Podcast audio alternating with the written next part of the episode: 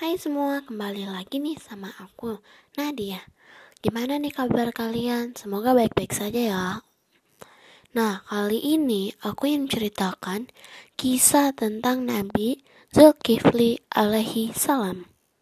Seperti biasanya, kita langsung mulai saja. Oke, oke, oke. Dalam deretan 25 nabi, nama Nabi Zulkifli alaihissalam termasuk di dalamnya. Bernama asli Bashar, Nabi Zulkifli alaihissalam dikenal memiliki kesabaran yang luar biasa. Beliau tak pernah marah, amanah, adil, dan teguh dalam pendirian yang diwarisi oleh sang ayah.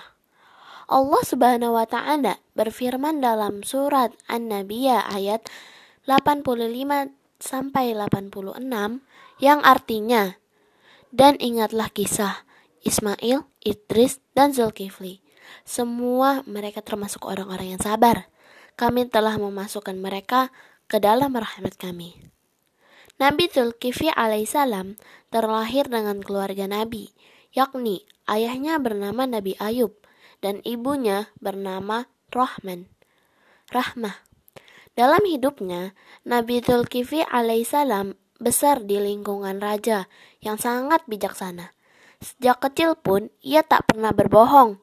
Banyak masyarakat yang mengenalnya sebagai seorang yang berlaku baik kepada siapa pun. Inilah yang membuat sikap dan pendiriannya yang tidak mudah goyah. Suatu hari, ketika seorang raja yang arif dan bijaksana akan pensiun dan resah, karena belum memiliki calon pengantin yang tepat, dia pun mengadakan sayembara kala itu dan mengumpulkan semua rakyatnya. Wahai, kiranya aku dapat mengangkat seorang untuk memimpin manusia di masa hidupku, agar aku dapat melihat tindak tanduknya, ujar sang raja. Dia pun akhirnya mengeluarkan keinginan, keinginannya. Siapa yang mampu mengembangkan mengembang tiga tugas dariku, yakni sanggup berpuasa di siang hari, sholat di malam hari, dan menahan emosi, ia akan kuangkat sebagai pemimpin. Tidak ada satupun dari rakyat yang menjawab, hingga akhirnya ada seorang bernama anak muda, bernama Bashar, mengacukan tangan. Saya, ujar pria tersebut. Tanpa berpikir panjang, sang raja pun menunjukkan menunjuknya sebagai pengantinnya. Sejak itulah ia dipanggil Zulkifli, yang artinya sanggup.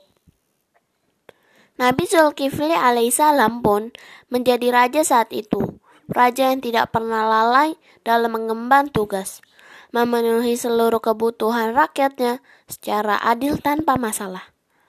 Kadangkala, hidup memang tidak selalu berjalan sesuai keinginan, Suatu ketika terjadilah pemberontakan dari orang-orang yang durhaka kepada Allah Subhanahu wa taala. Nabi Zulkifli alaihissalam meminta prajurit dan rakyatnya untuk datang ke medan tempur. Namun, tidak ada satu rakyat pun yang berani.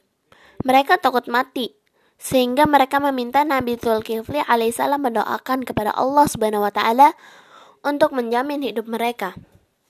Tanpa berpikir dua kali, Nabi Zulkifli alaihi wasallam berdoa kepada Allah Subhanahu wa taala yang segera dijawab olehnya. Aku telah mengetahui permintaanmu dan aku mendengar doamu. Semua akan kukabulkan. Kemenangan pun diraih tanpa seorang pun dari mereka yang gugur dalam pertempuran atas izin Allah Subhanahu wa taala. Sampai ada suatu hari iblis datang untuk melakukan tipu daya akar Nabi Zulkifli alaihissalam gagal dalam mengembang tugasnya. Iblis tersebut ternyata memiliki tipu daya yang begitu, li begitu licik. Ia berubah wujud menjadi seorang manusia tua dan menguntuk pintu rumah Nabi Zulkifli alaihissalam untuk menggoyahkan kesabaran beliau. Siapa Anda? ujar Nabi Zulkifli alaihissalam kepada setan yang menyamar. Hamba musafir, semua barang kepunyaan hamba dirampok orang, balas setan tersebut.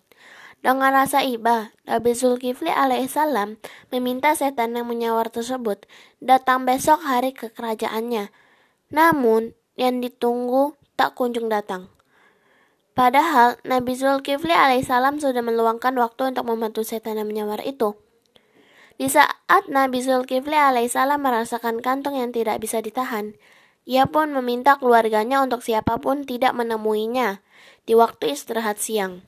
Lagi dan lagi, setan datang untuk mengganggu Nabi Zulkifli alaihissalam. Setan itu kembali menjelma menjadi pria tua, datang dan mengentuk rumah Nabi Zulkifli alaihissalam. Akan tetapi, keluarga beliau melarangnya karena permintaan dari Nabi Zulkifli alaihissalam sendiri. Tidak terima atas penolakannya, penolakan. Setan yang menyamar itu pun masuk melalui lubang di dinding rumah. Dia membangunkan Nabi Zulkifli alaihissalam yang sedang tertidur pulas. Lihatlah dari mana aku datang, ujar setan yang menyamar itu. Menyadari bahwa pintu rumahnya terkunci.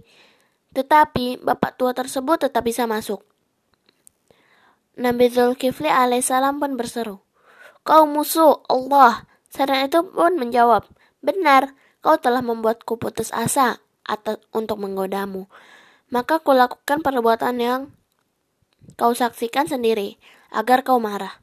Tanpa rasa kesal sedikit pun, ternyata Nabi Zulkifli alaihissalam tidak marah.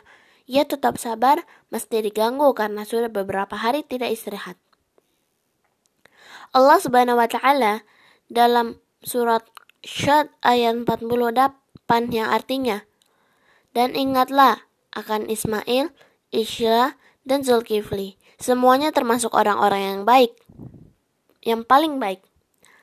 Dan begitulah sedikit kisah tentang Nabi Zulkifli alaihissalam dan tingkah kesabarannya yang luar biasa. Semoga cerita ini dapat memberikan pelajaran bagi siapa pun untuk melakukan bersikap sabar dalam menghadapi sesuatu.